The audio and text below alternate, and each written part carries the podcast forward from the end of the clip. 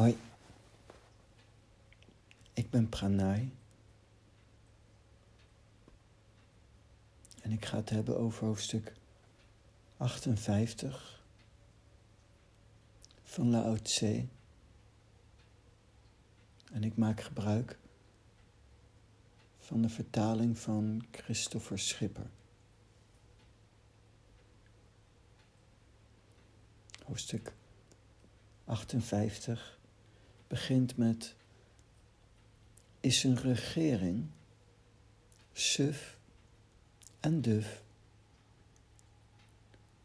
dan is de bevolking vriendelijk en eerlijk. Maar ziet de regering scherp toe, dan worden de mensen listig en doortrapt.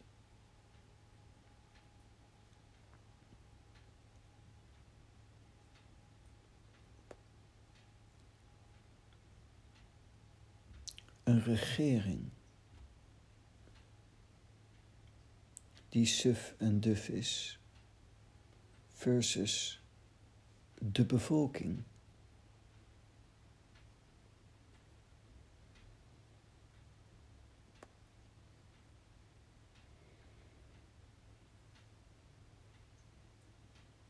Wie? Wie is de regering eigenlijk? En wie is de bevolking. Voor mij, in het kader van het verkennen van het innerlijke land, is de regering eigenlijk degene die een overheid, iemand die leidt die het in het geheel in goede banen probeert te brengen en te laten zijn.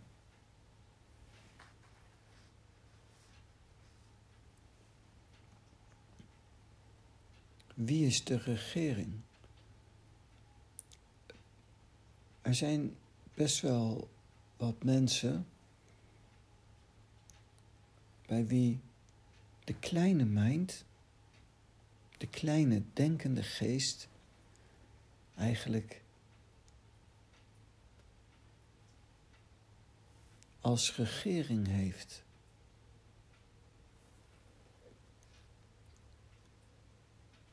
Je laat je dan leiden door je denken. En dat is niet handig.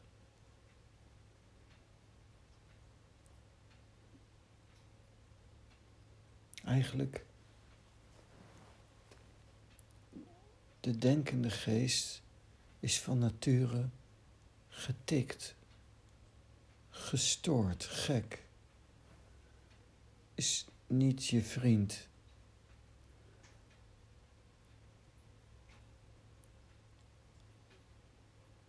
Dan, dan is het volgende ook eens interessant om bij stil te staan.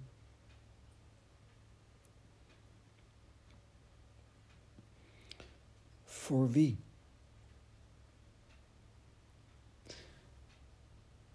De bevolking en de regering, voor wie? Voor wie regeer je? De gemiddelde mens is vooral bezig voor zijn persoon. Je wilt het goed hebben in je persoon. Maar als ik ga kijken naar de wezenlijke weg van het geluk, dan is ook mijn ervaring dat je vooral gelukkig wordt als je een bepaalde afstand hebt van je persoon.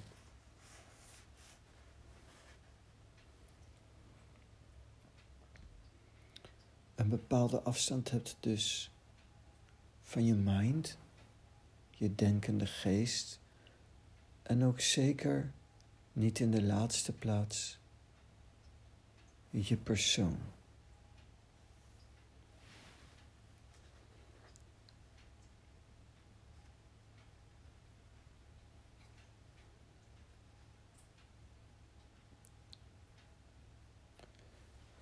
Is een regering suf en duf, dan is de bevolking vriendelijk en eerlijk.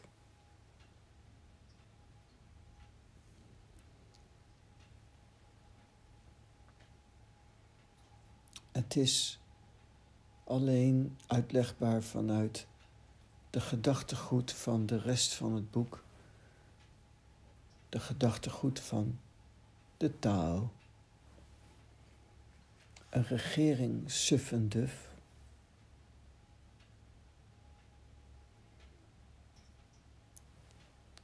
Het is dat je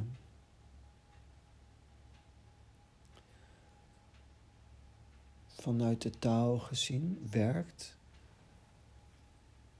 met dat het spontaan terugkeert naar je natuurlijke aard. Spontaan terugkeren. En natuurlijk, en dat is een heel belangrijk iets ook dat natuurlijk.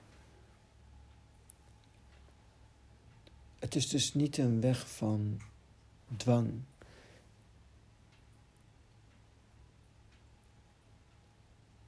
Dus je kunt dat niet in één lijn zetten met heel veel regels, heel veel doctrines.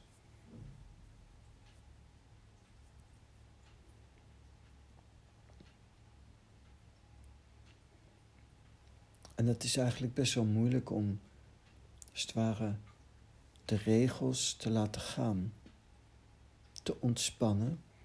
Het is ook wel heel belangrijk dat je dan ook beseft dat er ook een bepaalde vorm van behering, beheersing, een bepaalde volwassen zijn nodig is om vrij te zijn. Maar ziet de regering scherp toe, dan worden de mensen listig en doortrapt.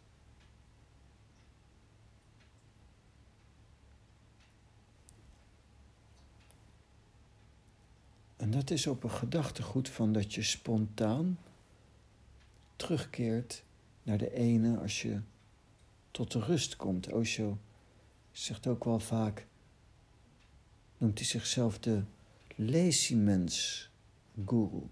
De lazy mens, guru. Je kunt eigenlijk niet heel veel gaan doen. Dat geeft zo'n druk. je kunt jezelf heel veel dingen opleggen. En dan ook scherp toezien Maar de realiteit is dat het pas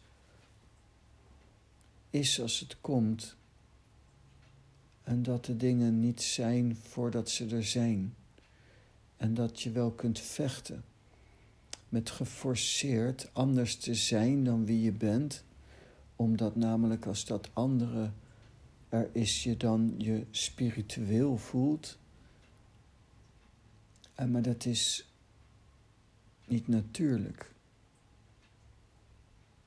Veel mensen die in de spiritualiteit zitten, zitten daar ook onder dwang. Een regering die scherp toeziet.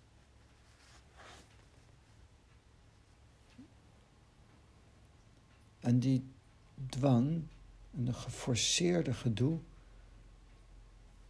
maakt ze in mijn ogen ook knettergek. Je kunt overal in de wereld, kun je als het ware zonder geitenwolle sokken en sandalen, gewoon terecht en vertellen wie je bent.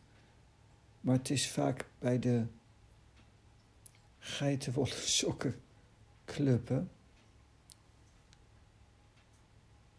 Clubjes.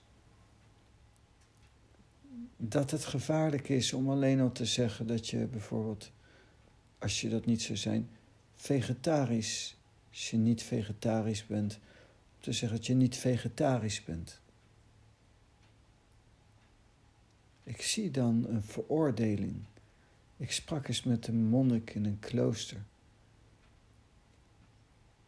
En ik uh, vertelde in dat gesprek iets waarin wel informatie zat in feite dat ik godservaringen heb gehad, maar ik zei het nog niet direct. Als die monnik blikken konden doden in intentie, had ik nu dood geweest. Intentie, de afkeer, verafschuwing van mij, die geen monnik ben, is in de zin zoals hij dat doet, die niet zich onthoudt van seks, die niet zo leeft, een godservaring zou hebben. Die intentie ga ik niet nadoen, want vind ik een vervelende intentie. Maar het was geen beste vriendelijke intentie waarmee hij vroeg. Dat hij zei: Je gaat mij toch niet vertellen dat jij een godservaring hebt gehad. Maar het was een intentie, een sfeer van. Als ik ja had gezegd, had hij me ter plekke vermoord.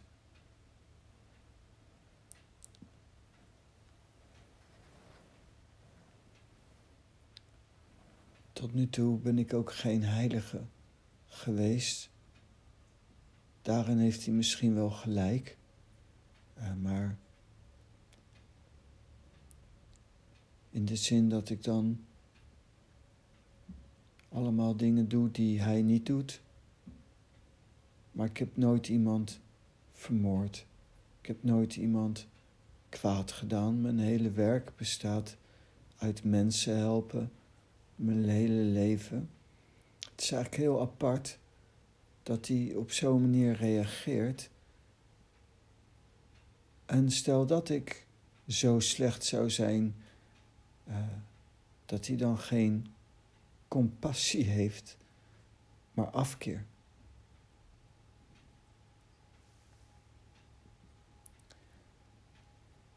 En die afkeer is gelijk aan scherp toezien en niet een regering die suf en duf is. Ik snap dat op andere wegen dan tantrisch zen je er ook kunt komen probeer niet te zeggen dat die monnik in kwestie verloren is. Maar van waar? Die afkeer.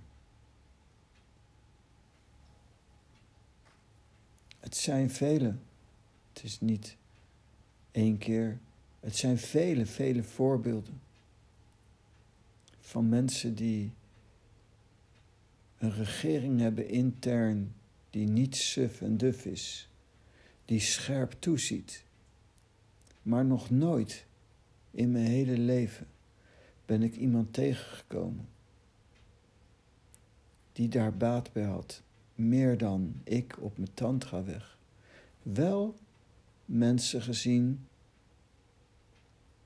die dat anders beleven. Tantra is een ondergesneeuwde kind die niet gewaardeerd wordt en niet begrepen wordt.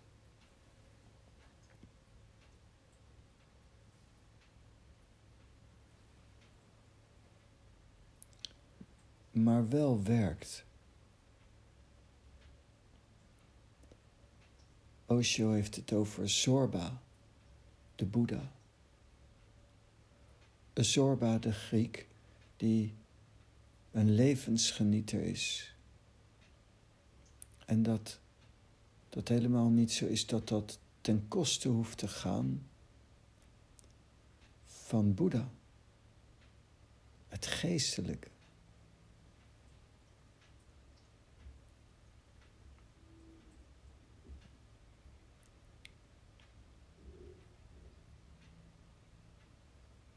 Ik zie zelf bij mezelf, zoals Osho ook zegt, Als je op een natuurlijke manier je seksualiteit beleeft, dan kun je eigenlijk niet voor je 44ste verlichting bereiken. Maar als je het op een natuurlijke manier beleeft, dan zal dat zo rond die leeftijd spontaan van je afvallen, van je wegglijden. Zo ook is mijn ervaring dat het zonder dat je er moeite voor doet, dat je elders gaat zoeken naar het geluk, elders gaat zoeken naar het genot.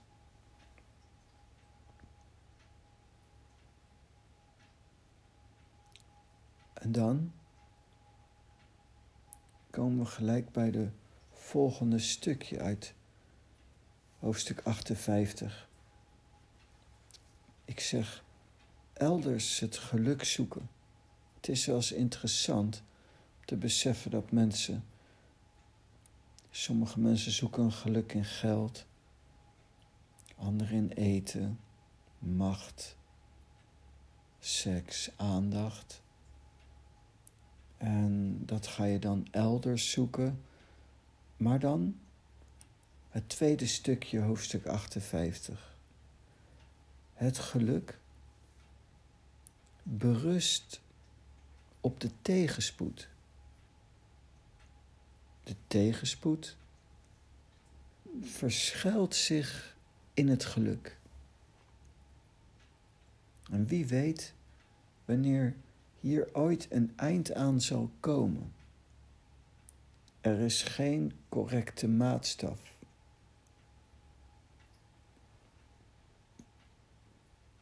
We zoeken naar het geluk, maar is het zoeken naar het geluk niet de bron ook van tegenspoed? De tegenspoed verschuilt zich in het geluk.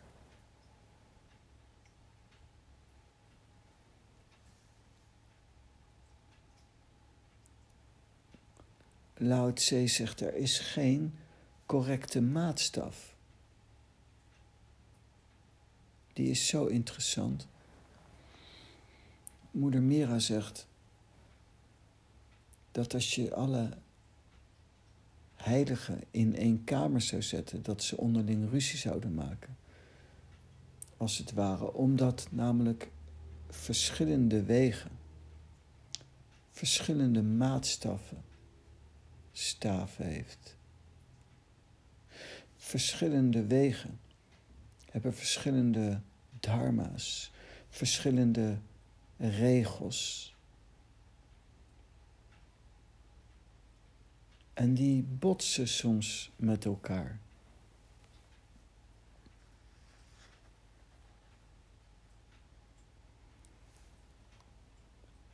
Ik heb zelf ook door mijn leven heen verschillende wegen bekeken, bewandeld, gedaan. Er is geen correcte maatstaf, zegt Lao Tse. In mijn ervaring is dat ook zo. Er is geen correcte maatstaf. Die monnik in dat klooster vindt mij niets. Maar ik heb geen probleem met hem. Hij vindt mijn weg helemaal niks. Hij erkent hem niet. Ik vind zijn weg wel mooi. Ik zou hem niet zo zelf willen lopen. Met die onderdrukking niet. Maar ik erken wel zijn weg. Ik besef dat hij, als hij doorzet, de ene wel bereikt. Alleen ik met pranay sen zeg, waarom onnodige inperkingen? Als het niet hoeft. Ik ben net als Osho een beetje van de luie. Er is geen correcte maatstaf. Waarom zou ik dan enige vorm van maatstaf op me nemen als het niet per se hoeft? Ik wil vrij zijn Dat is tantra. Ik wil vrij zijn. Vrij zijn van concepten. En vanuit die achtergrond werkt het ook als een regering suf en duf is. En als die regering niet suf en duf is, dan komt het volk onder stress, onder druk te staan. En ik bewandel de weg van niet-dwang, de weg van niet-druk, van vrijheid. En dus hoofdstuk 58 is een regering suf en duf, dan is de bevolking vriendelijk en eerlijk. Op voorwaarden dat ze natuurlijk natuurlijk leven. Op voorwaarden dat ze met aandacht zijn. Dat ze een bepaalde mate van vrede hebben, innerlijke vrede hebben. Anders, als de regering suf en duf is, wordt het een grote puinhoop.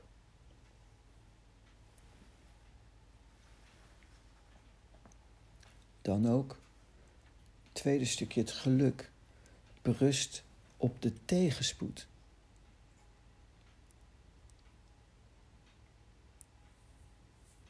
Het is heel belangrijk. Ik heb gezien, ik heb gezien bijvoorbeeld bij mijn dochter die dan bij zo'n huisjesmelker een appartement huurde, een driekamer appartement waarvoor die slechts 1900 euro per maand vroeg, rond dat bedrag. En dan daarna nog een keertje nog een extra rekening in, indiende. En bij het verweer van de studenten uit zijn dak ging en zei: Je gaat mij toch niet zeggen dat ik een oplichter ben? denk ik, hoe krijg je het voor elkaar om waar een driekamer appartement met een Jan Modaal misschien 15, 1600 euro verdient aan studenten, meer dan een Jan Modaal salaris vraagt aan studenten. Dan ben je een, zo fucking grote oplichter. Dan ben je zo'n hufter voor je eigen bevolking.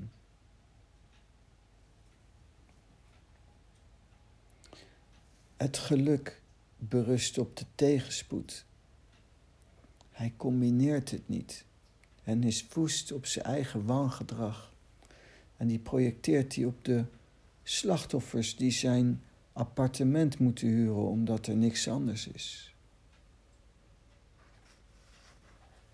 De tegenspoed verschuilt zich in het geluk. Het is ook zo dat die ergernis automatisch eigenlijk al in mijn ogen een dagend inzicht is. Hij irriteert zich aan zijn eigen criminele gedrag.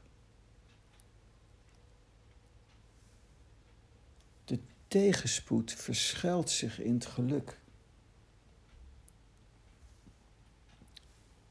In het geluk, dat berust al op de tegenspoed. Dus in die tegenspoed, wat hij ervaart, hij voelt zich gepikeerd, daar zit de mogelijkheid van de bevrijding. Met andere woorden, in je pijnlichaam zit het geluk verscholen. Als je echt het innerlijk land gaat bekennen, dan wil je niet af van je frustraties. Je wilt er niet van af, je wilt de boodschap eruit halen. Die irritatie berust op het geluk wat daaronder zit.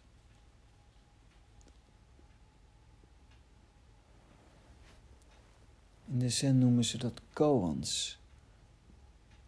Het is een reactie op een innerlijk iets en dat verstoffelijkt in het uiterlijk. En die verstoffelijking, als dat irritant is, dat is dan irritant omdat je je bewust bent van een inperking, van een verminderde ruimte. Geld maakt niet gelukkig. Als je het op een goede, fatsoenlijke manier verdient, geniet ervan. Het maakt ook niet per se ongelukkig. Maar om nou de hele boel te saboteren, om nou mensen op te lichten, om mensen bedragen te vragen die zo buiten alle proporties zijn, daar word je wel ongelukkig van. En dat demonstreert hij ook. En dat ongeluk, als je dat opneemt, als je beseft dat je dus geïrriteerd bent en je gaat er dieper in kijken, dan is dat ook de motivatie, het inzicht om te veranderen. Maar mensen willen alleen af van hun pijnlichaam. Maar je moet niet af van je pijnlichaam. Er zit een boodschap in. En de grootste boodschap zit hem in de meest irritantste. Pijnlichaam. Meest irritantste vijand, innerlijk of uiterlijk.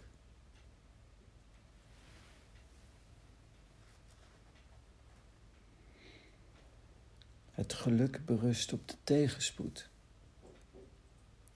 De tegenspoed verschuilt zich in het geluk.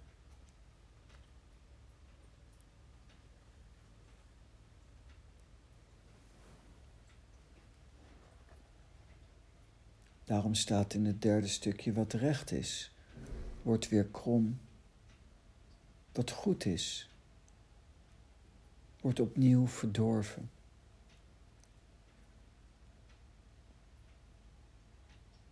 De verwarring die heerst onder de mensen bestaat zeker al sinds heel lang geleden.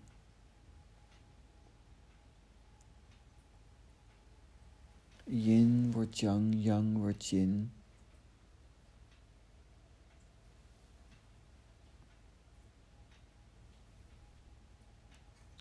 Je wilt veel geld, je hebt het. En vervolgens word je gekweld door allerlei andere dingen. Mensen die echt veel geld hebben,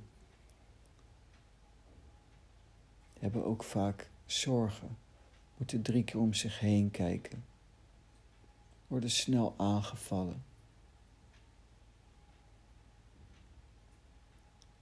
hebben camera's nodig, beveiliging nodig. Kunnen niemand vertrouwen, kunnen daardoor dus ook niet natuurlijk en ontspannen zijn. Dat is veel moeilijker. Wat heb je daaraan?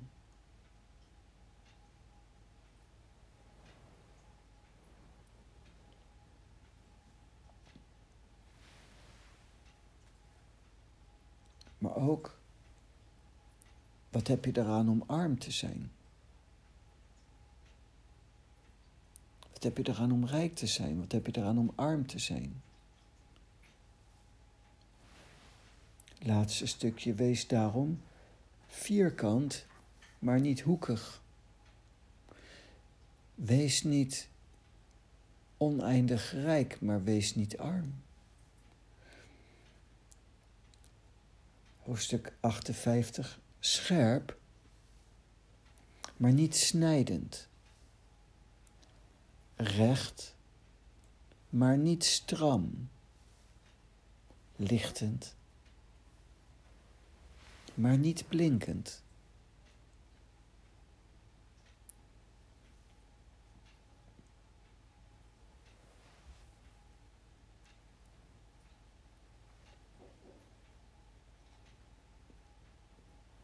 Daarom heb ik het over gewoon zijn. Niet heilig, niet zondig.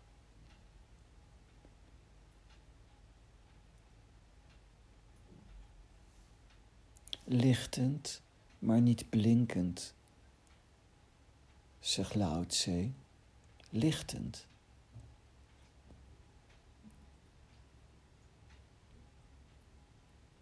Niet heilig, maar wel met de ene.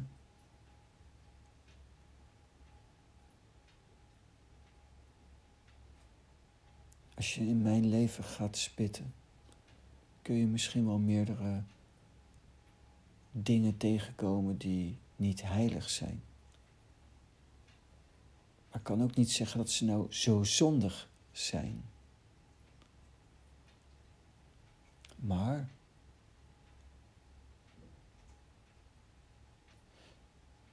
je kunt me niet betrappen erop dat ik niet met de ene ben. In goede en slechte tijden. In van mij part heilige dingen. En in zondige dingen. Gewoon met mijn mens zijn. Met de ene ben. Vertoef. Dat maakt me lichtend, maar niet blinkend. Ik probeer niet anders te zijn, beter te zijn, heilig te zijn. Wat ik zo mooi vind ook van uh, bijvoorbeeld het woord testament in de Bijbel, Oude en Nieuwe Testament, is dat de vertaling daarvan eigenlijk zoiets is als een verbondsrelatie. Een relatie met de ene en het verbond dat je met hem hebt. Er zijn verschillende wegen. Het is een kunst om met God, met de ene te wandelen en ook in een specifiek dharma, op een specifieke weg die bij jou past.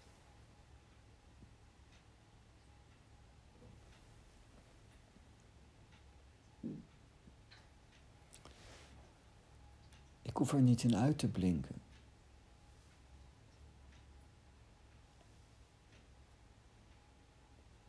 Maar gewoon ermee bezig zijn en met de ene leven geeft wel licht. Dat is zo vervullend. Met de ene zijn en met de ene leven wat recht is, wordt weer krom. Wat goed is, wordt opnieuw verdorven. Maak je er niet druk om. En leef. Wees niet een ultiem heilige en wees ook geen zondaar.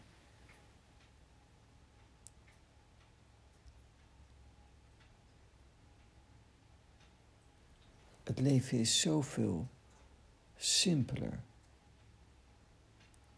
Als je de druk afhaalt van je denken, de druk afhaalt van je persoon.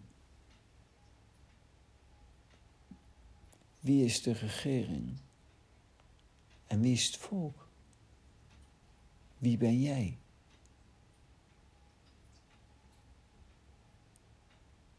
Heel veel mensen spreken dikwijls over verlichting bereiken. Maar wie? Mijn vraag is dan wie? Wie moet dan verlichting bereiken? En als jij dat dan bent als persoon en jij gaat dood, wat blijft er dan van je over?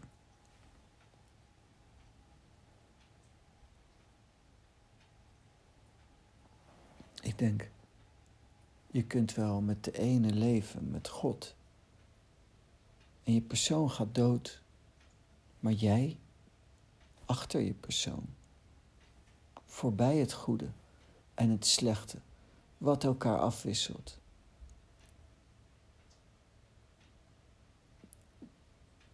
Kan met God zijn, maar ook al tijdens leven.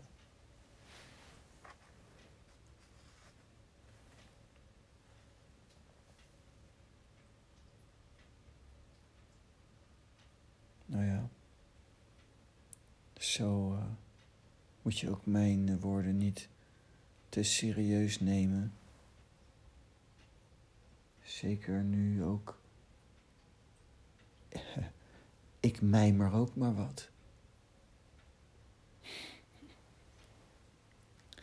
Nou. Dat.